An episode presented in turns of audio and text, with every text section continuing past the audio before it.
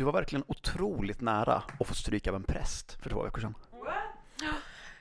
Ja, eh, jag, jag gick uppför Avenyn och sen så var det ett riktigt stort gäng där med många barn, många äldre, också en person som kom direkt från medeltiden med rep runt midjan och någon potatissäck. Okej.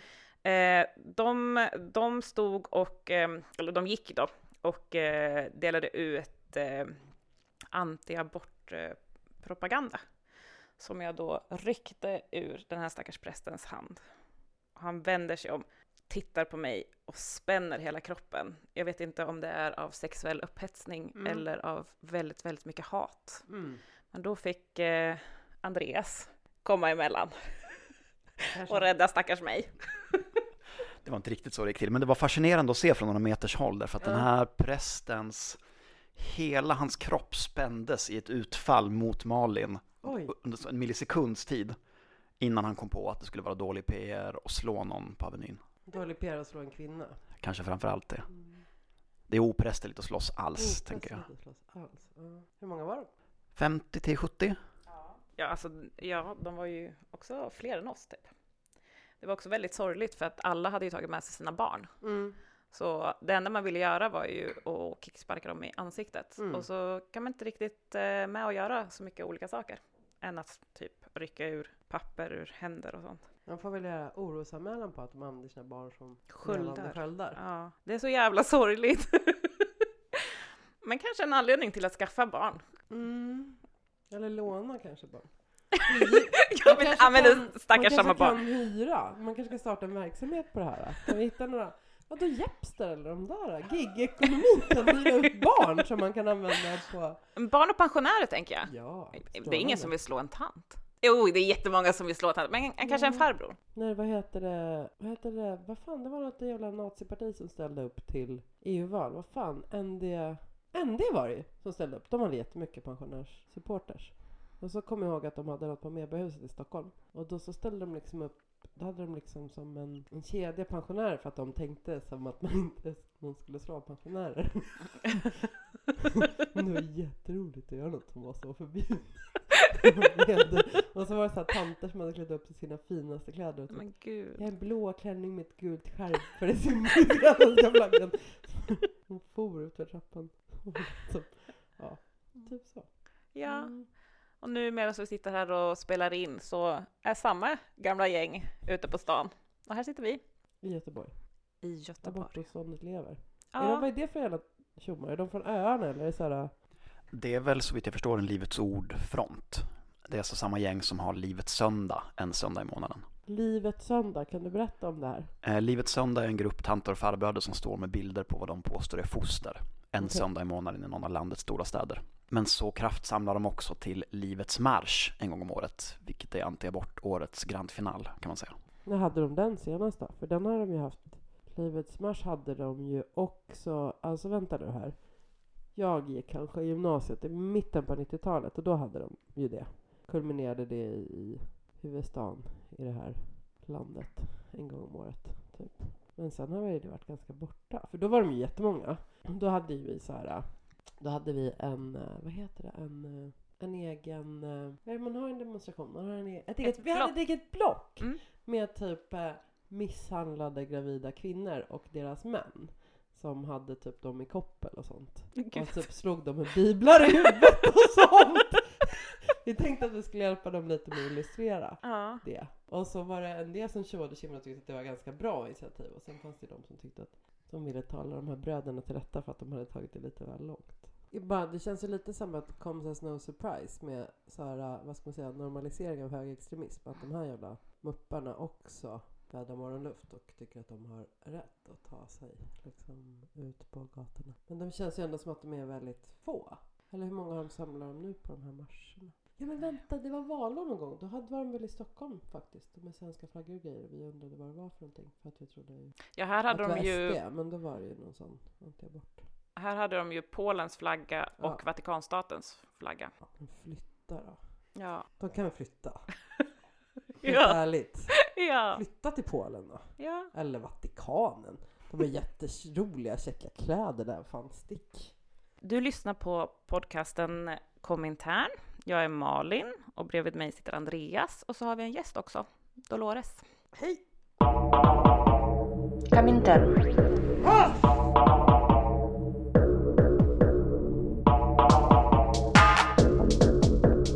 Berätta inte för mig om det svenska klassamhället. Jag har sett det. Jag har växt upp i det Jag hatar det.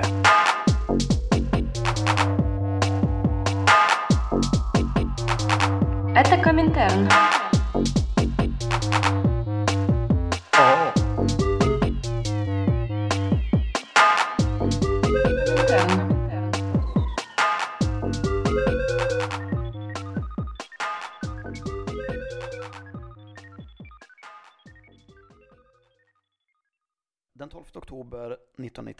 För 20 år sedan, ungefär halv nio på kvällen, så avbröt Säpo sin spaning på tre nazister. De tre nazisterna hade uppehållit sig utanför en lägenhet i Stockholm. Det har de gjort flera gånger under de veckor som Säpo har haft span på dem, men Säpo vet inte varför.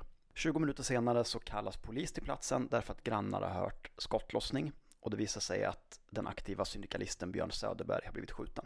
De tre nazisterna döms till mellan 6 och 4 år men varken tingsrätt eller hovrätt anser sig kunna fastställa vem som har hållit i mordvapnet och vad motivet egentligen var. För oss som inte jobbar inom rättsväsendet så framstår motivet som ganska tydligt. Björn Söderberg hade tidigare samma sommar påbörjat ett nytt lagerjobb där en fackligt förtroendevalde visade sig vara den välkände nazisten Robert Westerlund. Björn Söderberg pratade först med chefen. Arbetsplatsen kände naturligtvis till att Robert Westerlund var nazist eftersom han spelade vitt, vitt maktmusik på arbetstid. Han hörde också av sig till Handels och han hörde av sig till tidningen Arbetaren som skrev om Robert Westerlund. Som en konsekvens av det här så fick Robert Westerlund sparken och han blev fråntagen förtroendeposten inom Handels. Bara dagar därefter så beställdes den första offentliga handlingen ut på Björn Söderberg och eh, de tre nazisterna påbörjar sitt spionage utanför hans adress. Det rings märkliga telefonsamtal vid konstiga tider på dygnet och den 12 oktober så mördas Björn Söderberg i sin trappuppgång. Och till minne av det här så uppmärksammar Björns fackförbund SAC civilkuragets dag den 12 oktober varje år. Till minne då av det civilkurage han visade på jobbet. Eh, det brukar ske genom en ceremoni vid La Mano i Stockholm och genom utdelning av civilkuragepriset.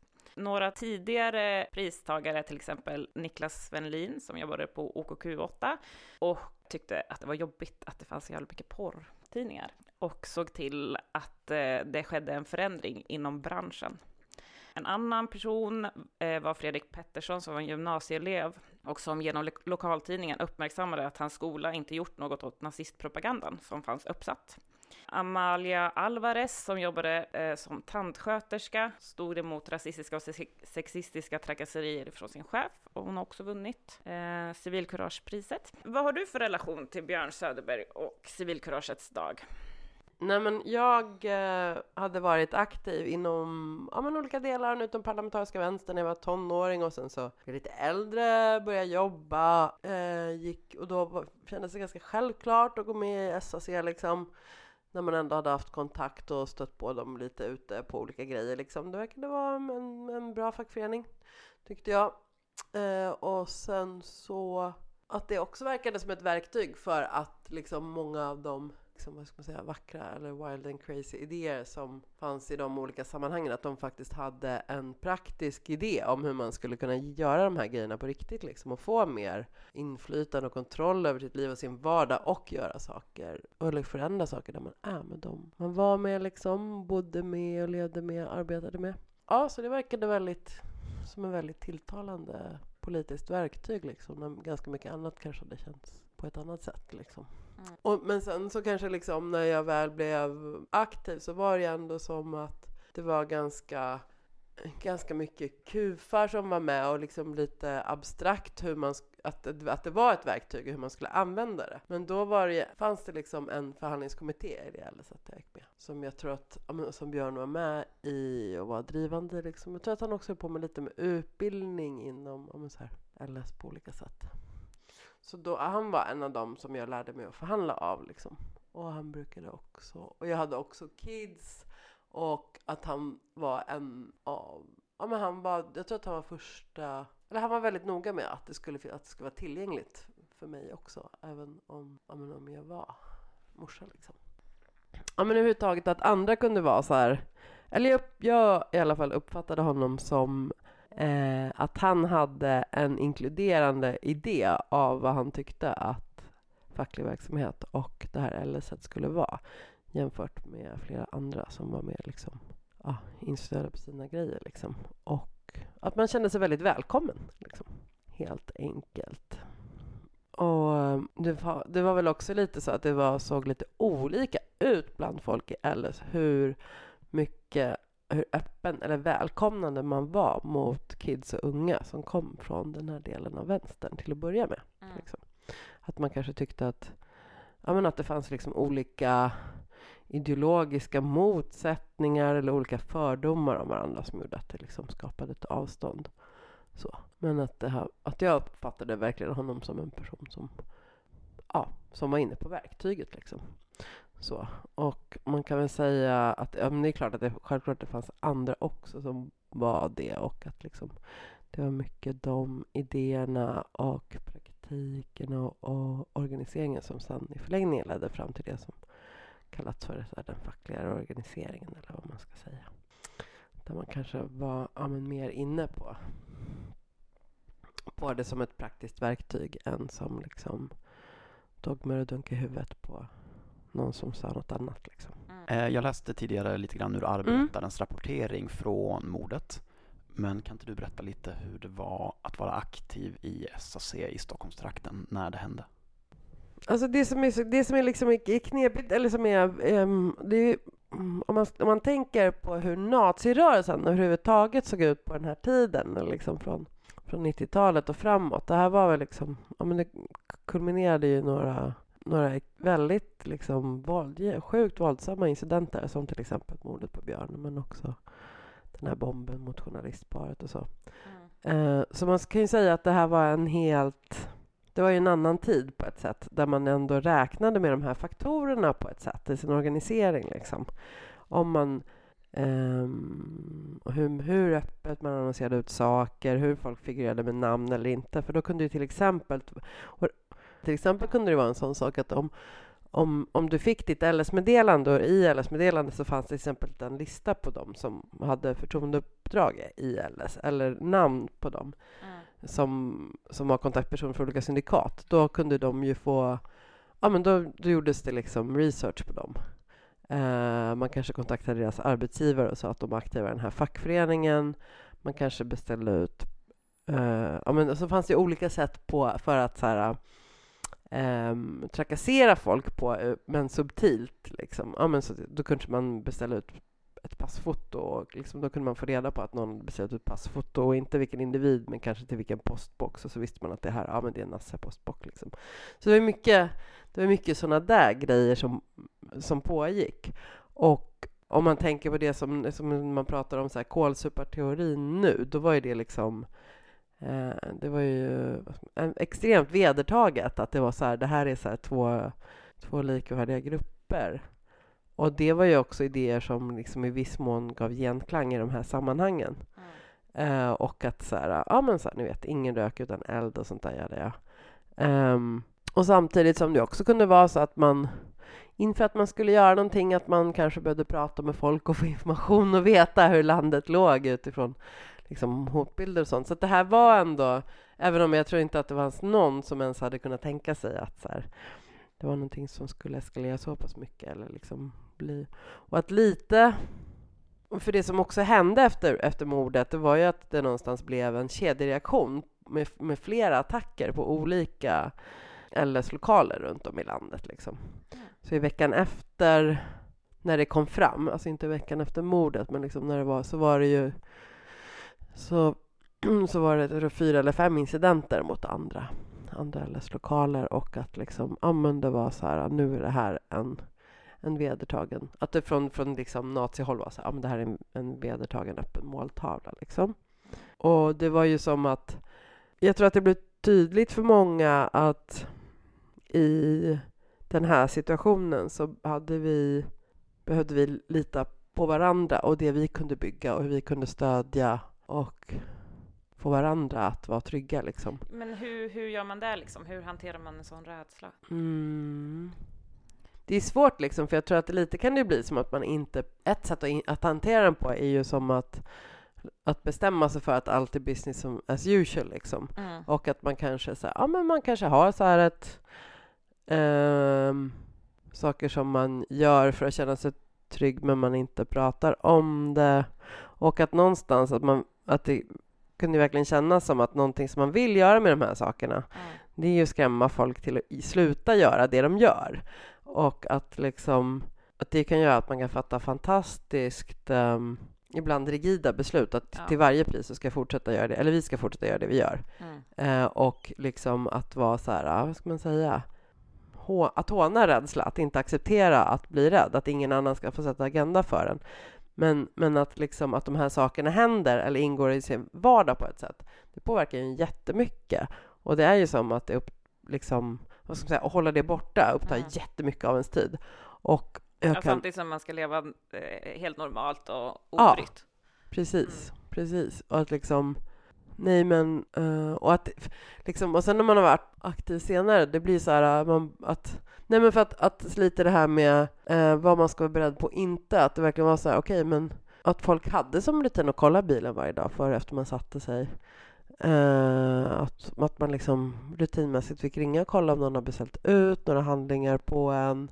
Och att, att de liksom... Att de, det var ju också flera... Det skedde ju väldigt stor och, och ganska omfattande kartläggning av folk liksom, Mm. som, ett, som, som ett sätt att hota folk på. Sen kunde den här kartläggningen vara hur yxig som helst och det kommer ju, och, och flera av dem blev ju dömda för att de gjorde det. Men det är ju ändå så att de jobbade ju på ett sätt som de inte gör nu liksom, Nej. alls. Mm. Och i ljuset av så här kolsuparteorier så blir det ju ett problem om man kommer från en miljö som har en tystnadskultur som en strategi för att hantera de här sakerna och inte prata om dem. Jag kan tänka nu att man kanske snarare skulle vilja att outa så här att folk verkligen fick berätta vad som hände, hur det såg ut, att de bara, men liksom, jag har bara gjort det här. Jag har Mm. varit aktiv i min fackförening. Men att de här kolsuparidéerna gör att folk, man var så orolig och bli stämplad om man öppnade käften och var offentlig runt de här sakerna, så man inte gjorde det. Liksom. Men jag kan tänka så här att när jag var liksom yngre och kanske gjorde andra grejer som jag valde bort att göra senare, då var inte, då var ju liksom, då var inte jag eller de personerna runt mig måltalade på ett sånt sätt. Men som med var, vara, med att LS-aktiv, liksom, då hände det ju grejer. Då var det ju så här regelmässigt att det ringde hem folk och liksom hotade den eller hotade någon annan eller så här. Ja, och jag tror det fanns liksom inte någon struktur kanske för att hantera det, eller något tänk runt att man borde ha en struktur, liksom, utan att det landade på individnivå ganska mycket. Eller vad var det hade för individuellt nätverk. Men jag tänker det, en av de sakerna som hände i och med eh, mordet på Björn var väl ändå att delar av den miljön som jag kom ifrån tidigare blev eh, mer inkluderad därför att okej, men här finns det, det finns ett fun- välfungerande nätverk, det finns information, det finns folk som är vana att hantera, liksom vanare att hantera de här sakerna. Um, kanske. Eh, när man läser om mordet och de tre personerna som blev dömda för det, alla tre på olika sätt knutna till eh, den internetportalen som heter Info14, eh, så verkar deras tillvägagångssätt, alltså det är väldigt eh, systematiskt och det återkommer hela tiden, att de börjar begära, begära ut offentliga uppgifter och sen så skriver någon av de många bloggar eller Flashback alias som går att knyta till de här personerna en kortare text om den personen måste vara att det är en politiker eller en journalist eller en vänsterpolitiskt aktiv. Därefter rings hotfulla telefonsamtal och sen ofta så eskalerar det till våld. Det är tegelstenar genom fönster, eh, det är sönderslagna bilar och sånt. Och även om uthängningar fortfarande är en del av den nazistiska taktiken idag Eh, så är det ju inte alls lika säkert idag att det leder till våld. Det känns som mer skrämsel. Förstår du vad jag menar? Ja, ja, verkligen.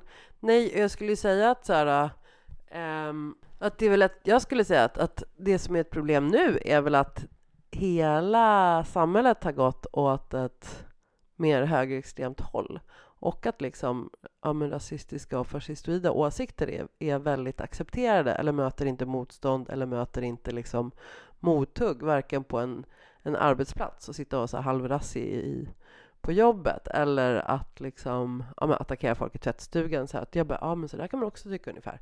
Att um, att liksom Nej men att det kan, jag kan tycka att det, att det är ett problem att jag skulle önska att vi som, som rörelse eller idé var bättre på att bygga en, liksom, en, en, en kollektiv motståndskultur mot de här idéerna som folk jättelätt kan haka på som inte är en del av våra sammanhang därför att det är en sån jävla urgent situation liksom.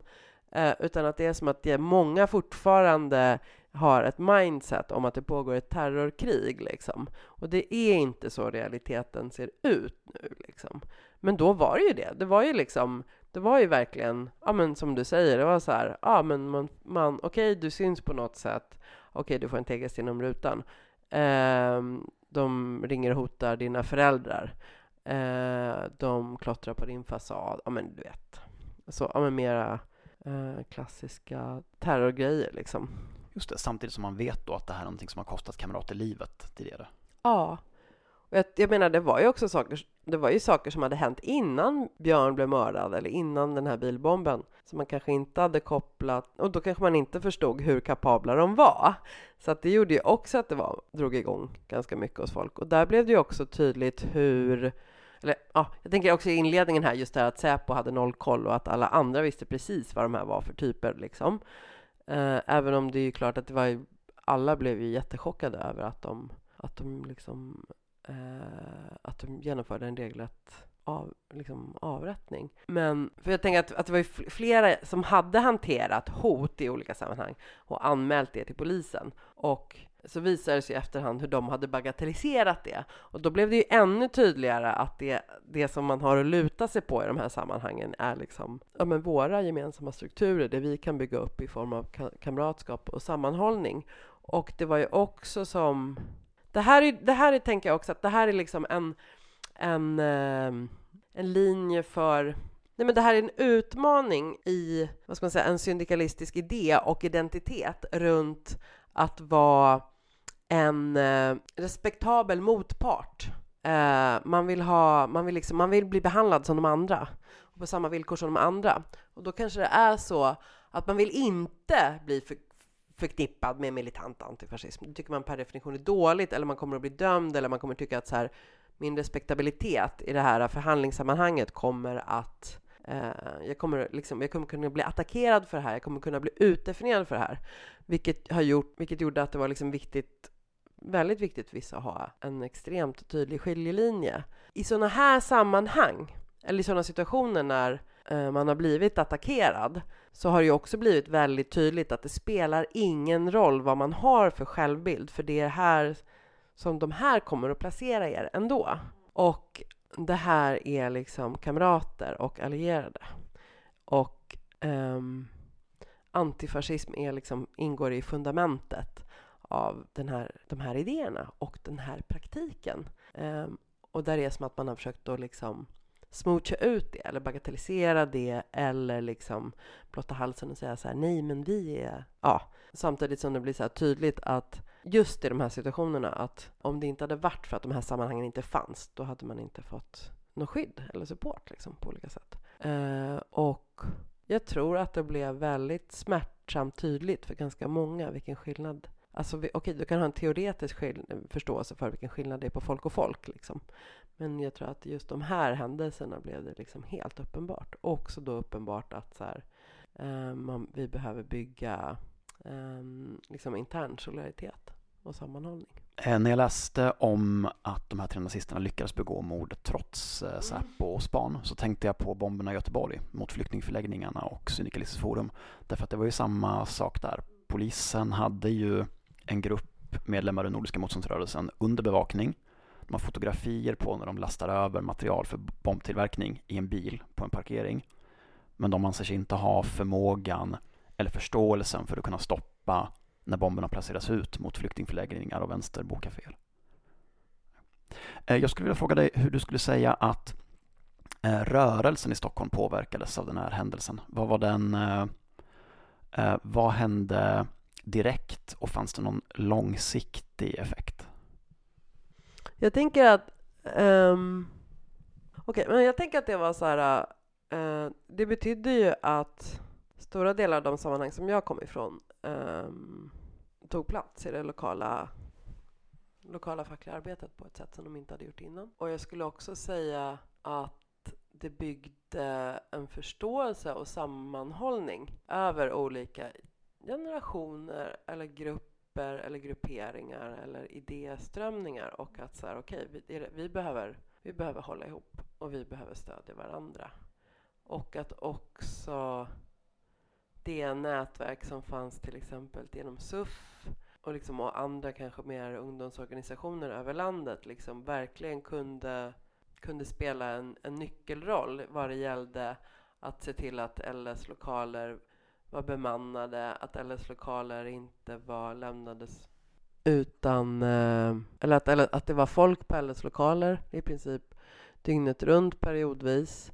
Eh, att man höll ögonen på, på varandra, att om det var någonting liksom att man ehm, att det fanns system i vissa områden som var utsatta för att liksom kunna ringa, så här, en sorts grannorganisering där man kunde röra sig till en granne om man vet att här bor en person som de liksom ögonen på, att här, kunna följa varandra till och från tunnelbanan, alla sådana grejer liksom. Och också att Men det blir väl också typ som en större sammanhållning och att man, eh, att det blir en styrka i det också. Ja, och så för det man kan tänka är ju ändå någonstans att så här, här handlar det ju faktiskt också om att all, även om man inte pratar om det så är det någonting som folk har behövt hantera under rent prakt, de här praktiska förutsättningarna liksom. Att under, under ganska lång tid och också anpassat sig efter. Men, men det, ja, jag vet inte. Sen var det ju också, det var ju så en, en, jätte, en av de största tvärfackliga samlingarna i liksom Sveriges moderna efterkrigshistoria på Medborgarplatsen i anslutning till det här. Eh, jag tror att men om jag ska vara helt ärlig, liksom, jag, menar, jag, jag kan ju också ärligt talat säga så här, det finns ganska mycket saker från den här tiden som jag kan ha svårt att komma ihåg. Eller så, ja, men det var faktiskt det var jättejobbigt. Liksom. Man, mådde ju skitdåligt. Liksom. Och så skulle man bara försöka hantera det här på olika sätt. Eh, jag hade en ganska liten unge liksom. Uh, om man skulle säga, ja men ni vet. Och sen så bara vet man att så här, ja men okej den här personen som vi brukar umgås med är har det här hängande över sig nu. Jaha, men ska vi gå hem till den på middag? Eller är det en jättedålig idé? Men vi brukar göra det, ska vi inte göra det? Hur ska jag förklara för den här unga personen att så här, ja, jag hör att du jättegärna vill träffa den här, men vi vet inte riktigt hur vi ska göra. Eller du vet, så här. Eh, hur förklarar man ens för en unge att liksom någon som den har sett till och från, som har brukat så här, se till att den inte behöver spendera tid på pisstråkiga möten utan får typ gå och käka glass eller göra något annat roligt. Liksom att, de förstår vad jag menar. Det var liksom eh, ja, men det var jävligt jobbigt. Och att ett sätt som jag tänker, det vi är bra på, det vi alltid varit bra på, vi är jättebra, vi är bra praktiska organisatörer, vi är bra på att dra ihop folk, vi, kan, vi har asmycket kontakter och vänner som kan bara styra. Jag menar, men ni vet, om eh, vi löser det på en dag, liksom, om det har hänt något. Men, ja, men vi, är vi är ju en rörelse av doers, liksom. vi får saker att hända. Men det kan ju kännas ibland som att det är någon annan som får sitta och dra upp riktlinjerna eller skriva historia och sånt. Liksom. Och jag kan ändå minnas liksom, den här jättestora tvärfackliga samlingen som ju kändes fantastisk på jättemånga sätt.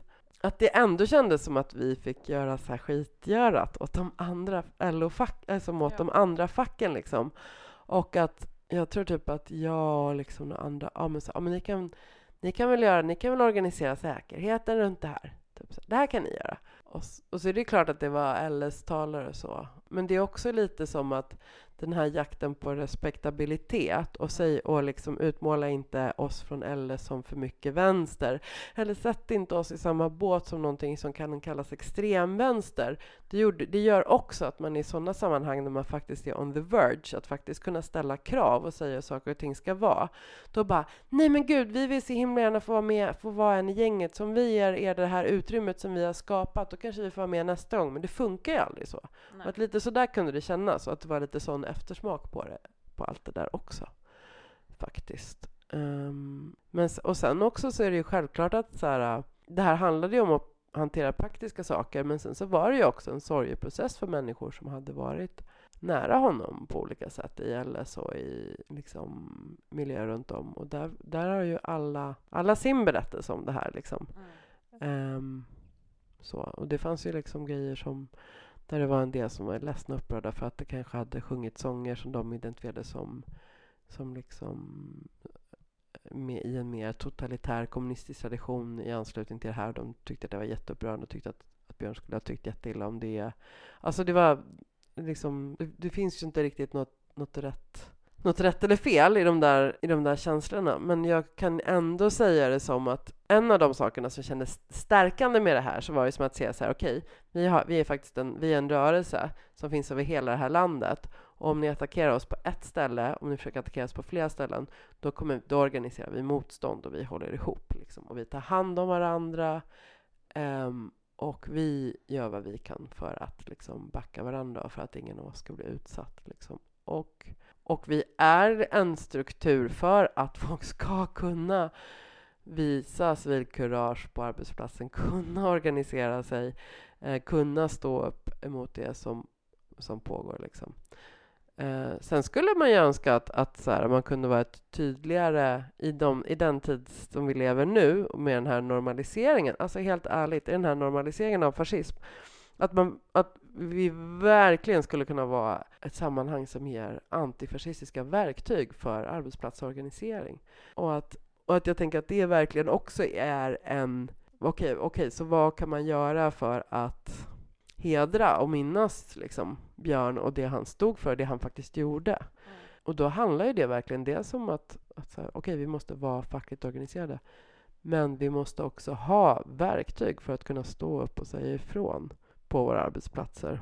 Så. Och jag kan ju tänka att lite på grund av det här, alltså det finns säkert en massa olika idéer om hur och vad och varför det är sådär, men om man ska säga det här med det, det, det liksom beröringsskräcken. Jag tänker att så här, att jag skulle önska att man mer kunde vara ett sammanhang för att normalisera antifascism och för att det ska vara så här någonting ganska oproblematiskt på sin arbetsplats. Att så här, okej, vi har de här problemen här och vi behöver ta tag i dem. Om, för grejen är så att om vi inte gör någonting åt det här, då bara, det, det är bara lätt att se vad som har hänt på grund av att det har blivit tystare och svårare att stå upp för saker och ting på jobbet.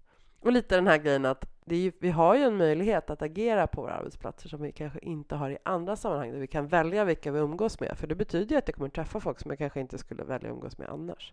Eh, och att jag faktiskt har en dels ett ansvar att se till att de inte utsätter mig eller arbetskamrater men också en, en jävligt bra möjlighet att vi som ett välorganiserat kollektiv på arbetsplatsen kan påverka den här personen och vad den tycker och gör. Så. Nej, men jag tänker på det här med vad, att, alltså liksom att vad rädsla gör och hur man hanterar rädsla, om man gör det kollektivt eller individuellt. Så här. Att det kan ju också göra att man har svårt att prata om saker man skulle behöva prata om.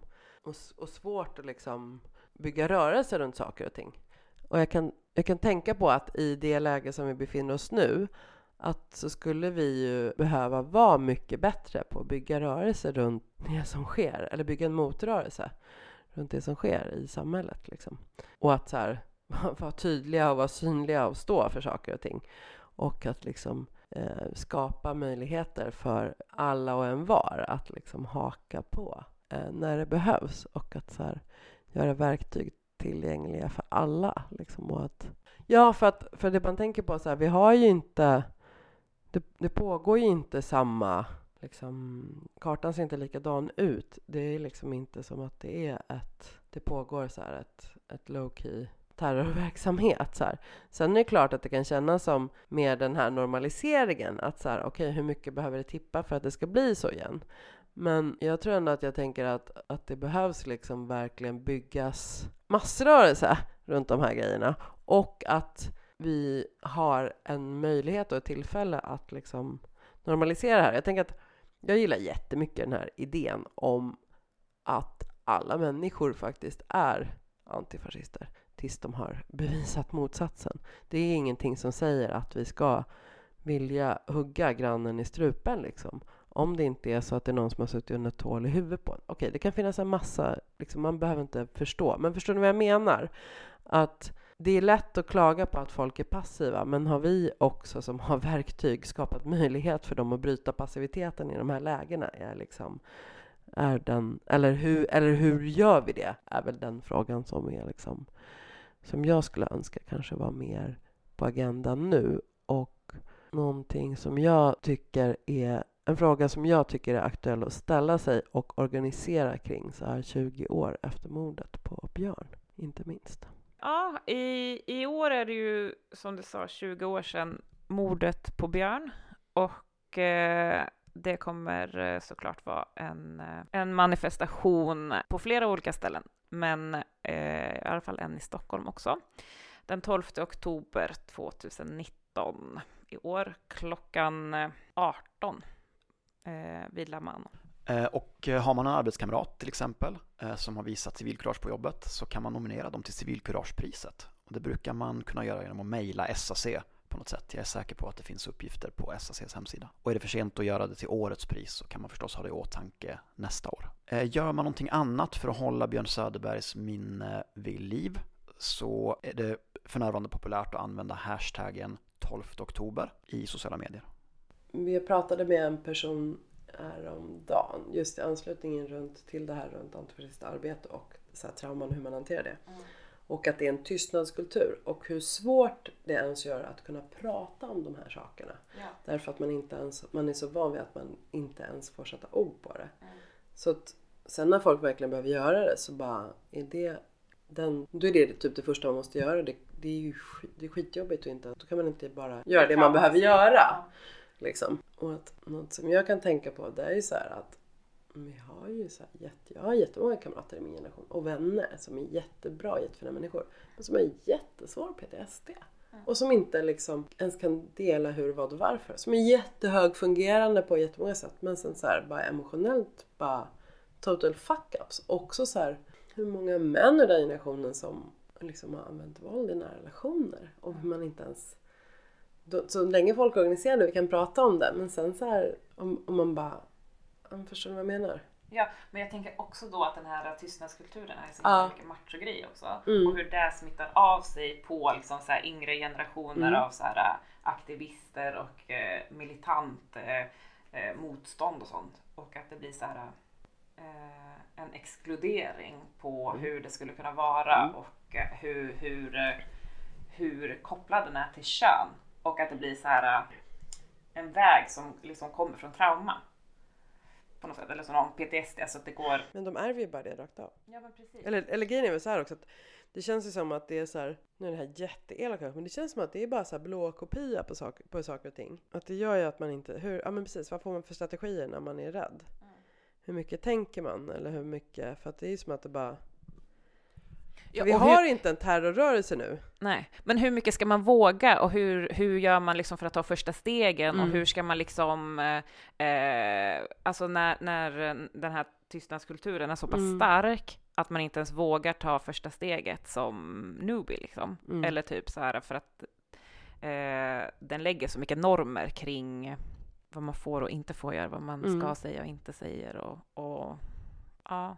Jag kan känna hela tiden jag pratar om det här att jag inte har rätt att prata om det för att det finns en snubbe som har mycket, som har mycket större rätt att prata om det än vad jag har. Och att jag kan, typ, jag kan verkligen se folk framför mig vad de tänker och tycker Mm. om att jag ens öppnar käften. Liksom, så här. Och jag bara... Och där det kan, där det kan, liksom när man blev utsatt, att då var det också som så här, ja, fast man vet ju att den där har varit med om något mycket värre, så det är inte ens en idé att jag pratar om det. Nej. Då är det ändå så här, okej, vänta, jag var typ i så här middle twenties, hade ett minderårigt barn och fick stenar genom rutan hemma, Mm. typ, och sådana grejer. Och jag kommer ihåg att jag skämdes. Liksom. Jag, att, Mm. och, och så här, att jag skämdes. Liksom. Mm. Jag skämdes för att jag tyckte att det var jobbigt. Ja. Sen hade jag ju jätte, jättefina vänner och kamrater också. Men det var Mm. ändå så här. Och, så, och det här kanske är snarare kopplat till, till skräck liksom, än till rörelse. Mm. Men då kan man ju ändå tänka att man skulle önska att vi hade bättre strukturer för att hantera de här sakerna. Liksom. Ja men gud, och det här vill jag också säga att om man tycker att, ja men shit, att om, om du är liksom i ett sammanhang där du antingen har med människor att göra som är måltavlade för för den här sortens attacker eller måltavlade av, av rassar eller nassar på stan. Liksom, att så här, var inte timid. Ta initiativ. Liksom nå ut till folk. Ja. Backa dem emotionellt. Hör av dig. Ta en kaffe. Hör efter dig en vecka senare. Mm. Gå emellan när du ser att någonting händer. Liksom, eh, tycker du det var bra? Tycker du att det är bra att det är liksom någon du har i din omgivning som står upp eller som tar skit eller går emellan? Backa den personen liksom. Ja. Vi behöver bli bättre på att ta hand om och uppskatta varandra. Och det är en övningssak. Det är Absolut. första gången Ja. är jobbig och sen så blir det lättare för varje gång man gör det. Mm. Mm. Jag kan tänka så här att rörelsemässigt att folk gillar att hylla så här militant antifascism eller konsekvenserna av att folk håller på med det.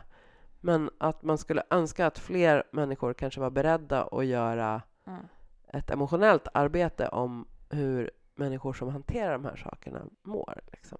Ja. Bryt isolering och bara hamna inte... Och också så här att om man är i så ett exklusivt sammanhang, vare sig det gäller att alla är svennar eller att alla är snubbar, liksom, bryt, försök att bryta det. Liksom. Bygg, vi måste bygga större och mer sammansatta cirklar, annars är vi ju rökta. Liksom. Ja. Då, och, då, och då kan man säga så här, ja men det är en valmöjlighet man har, att, att sätta sig i det sammanhanget och hålla på med de sakerna. Ja, det kan det vara. Jag kan ja, också fast det är säga också att... en nödvändighet. Exakt. Och man måste kunna bearbeta det här för att annars kan man inte göra det här. Alltså vi måste ju ändå kunna ha någon slags så här hållbar, eh, alltså det här eh, är ju sorgligt, men det här är ju livslångt. Det är ju Mm. inte något som vi kommer bekämpa och sen kommer det vara slut. Utan vi måste hålla på med det här hur länge som helst och då kan vi liksom inte ha, eh, eller då måste vi ha eh, verktyg för att kunna hantera det här. För att vi ändå måste göra det här så jävla länge. För det är ju verkligen som att det är en... Det här är omslutet av en tystnadskultur. Att vi har en tystnadskultur. Att det är väl klart att det handlar om att det är någonstans han, att, att hantera ganska saft, men jävligt saftiga händelser och, Mm. och trauman. Liksom. Men, men det gör ju också att när folk väl behöver dela med det så kan det vara så att man inte ens har ett språk att prata om det på. Mm. Alternativt att man får jättemycket liksom, skuldkänsla när man försöker göra det. Mm. Så. Jag tänker att det är skitviktigt. Och att också, så här, också att man kan framstå som väldigt konstig för människor som inte är en del av det här sammanhanget. När man mumlar fram halvsvalda grejer. Liksom. Det, är så funk- liksom, det är så bygger man inga massrörelser. Liksom. Det gör man inte. Nej, och det, har, det märk, eller så här, man ser ju på folk när folk mår dåligt. Mm. Eller man känner det och man, ja, och det går ju inte att stötta någon på samma sätt om man inte också mm, kan prata om det. Jag tänker att jag känner flera stycken som är, de är fantastiska på när, typ, när saker går åt helvete. Mm. De funkar som jävla fucking urverk. De är så jävla solida och pålitliga och helt underbara. Och det är sådana så här vänner som man bara... Alltså jag vet inte vad ens liv skulle vara utan dem. Men sen så om de själva mår dåligt eller har problem, då Mm. bara... De, they ain't got no fucking clue liksom. Nej. Totalt. Och de, de kan liksom ställa sig och hålla... Verkligen så här prata om uppstrukturerat. Men, om krishantering. Och sen så bara, hur mår du? Bara, jag vill inte prata om det. Eller hur mår du? Bra! ja. Okej. Det är väl också någonting som man får, får respektera. Men jag tänker också att vi har ändå ett kollektivt ansvar att folk inte ska... Ja, men att det ska gå att ha ett livslångt perspektiv och förändra den här skiten liksom. Jag tror också att det var det som var så jävla tilltalande Mm. och tempting med, liksom, med att det fanns en, en, ett sammanhang som SAC med äldre människor som hade liksom gjort jättemycket erfarenheter Mm. av liksom jävligt... Alltså jag, kom ju, jag blev också medlem i en tid när det fanns ett starkt, en jätte, jättestark feministisk strömning av liksom väl, jävligt välorganiserade kvinnor över hela landet Ja. som, som, som någonstans, ja man hade väl varit en del, eller var en del av kvinnorörelsen men bestämde sig för att, att det var arbetsplatskamp som gällde Mm. och som var jävligt välkomnande mot min generations liksom väldigt handlingsinriktade feminister liksom. Mm. Eh, och som där ju många tyckte vi var jättejobbiga. Och delar av kvinnorörelsen tyckte vi var jättejobbiga. Och liksom Mm. ungefär på ett sånt, om du vet, luktar illa, går inte över möblerade rum-sättet. Ja. och de här tanterna bara typ Åh! Ni är det bästa vi har sett! Typ, ni är häftiga! Och man bara, alltså, jag, typ, jag kommer ihåg först man bara, men alltså, är- typ, är det något fel? Vad är det som har hänt? Typ. Och bara vill jättegärna att komma på möten och få ta del av Ja. resurser och allting sånt. Och sen så när man, det perspektivet som de erbjöd på livet, Att så här, det spelar inte så stor roll vad du gör, vad du äter eller på dig, för du kan bara fortsätta och omstörta och omforma och organisera resten av livet och här Mm. finns ett alternativ där det går. Mm. Och att de också var så här, de bara, men runt liksom barnvakteri och allt sånt, att det ska vara självklart. Att det här är så här, det spelar ingen roll vilket stadie i livet, du ska kunna vara aktiv liksom. Ja. På ett sätt som, där det kanske kändes som att vi kom från en generationsrörelse. Mm. Och att jag tänker att de, det är ju jätteviktigt, för det ger ju en, det var ju som att de var så här, kunde verkligen funka som en, som en levande förebild att det går. Mm. När det kändes liksom som ganska omöjligt. Det är ju skitviktigt. Och jag tänker också så att, ja, jag vet inte. Men eh, typ Mm. när du var yngre, kunde du märka av eh, äldre organiserade eller för detta organiserade personer som kanske var mer eh, traumatiserade från det här typ äldre händelser? Jag tror att, att, um, jag tänka. Eller Ja. jag tänker, till exempel nu så, så Ja. alltså, eh, jag tycker ändå att, så här, att man kan märka av att EU-topp hände.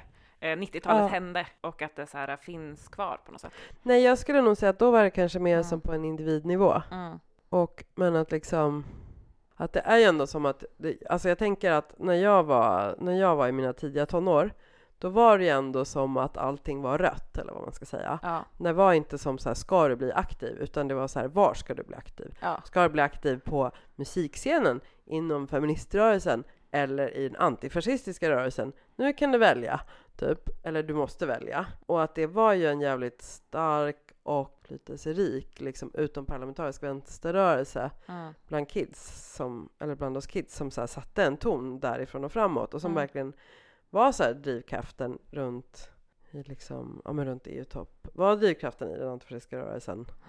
Ehm, men, men liksom en generation av doers verkligen. Mm. Och så, så självklart, ja, men som du säger att, men det är också lite att om man är out there så kommer man ju göra erfarenheter som gör att man Ja. Ja. Ibland, det här är jättefånigt, men ibland också...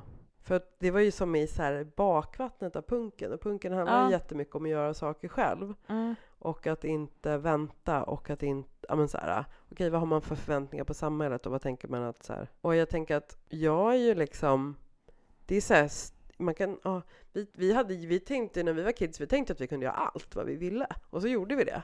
Därför, och så trodde man ännu mer på sig själv för att man hade gjort det. Förstår du vad jag menar? Ja. Men att det kan kännas som att sen att...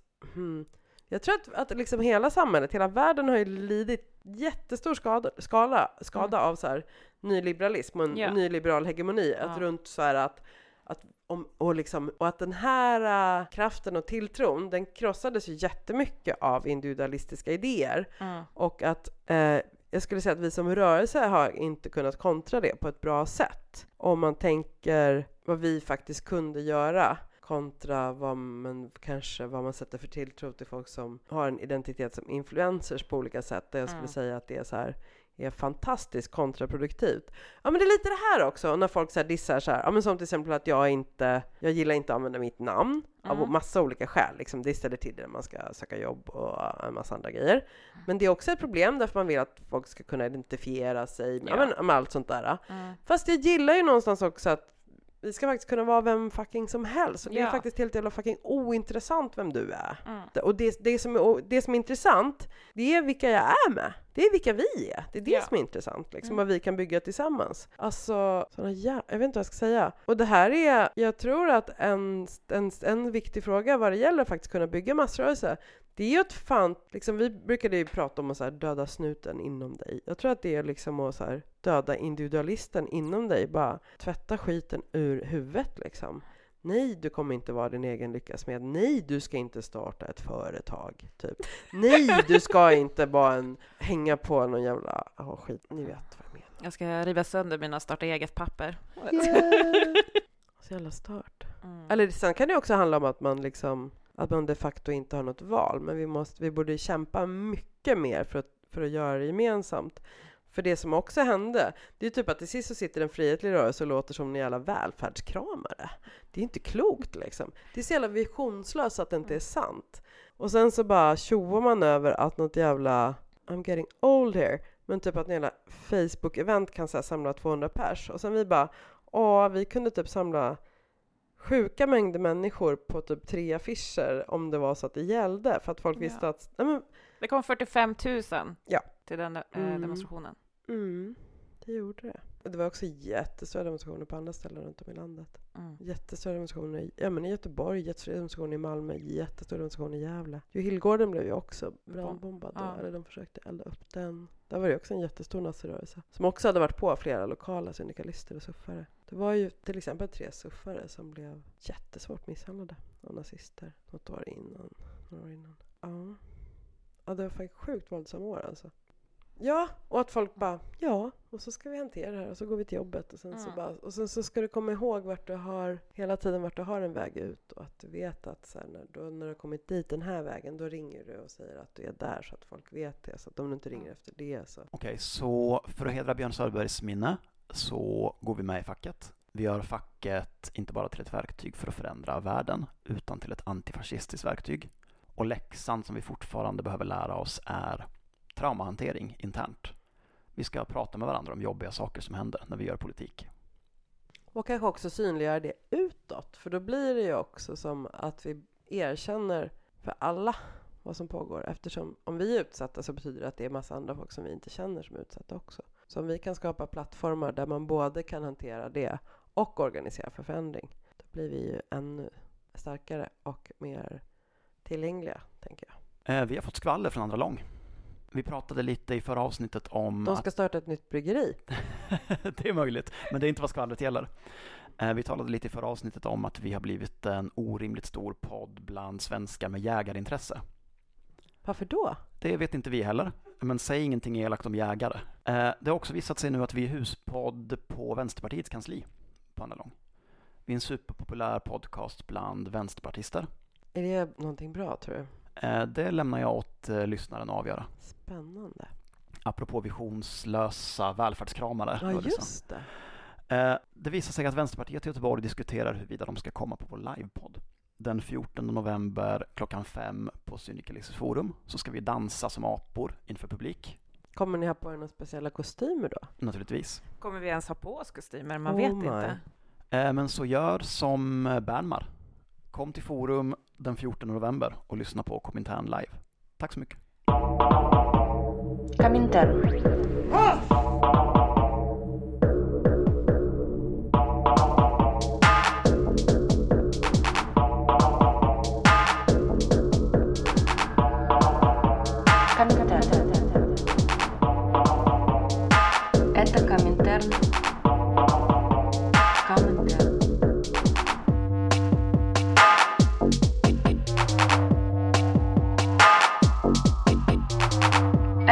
Yeah.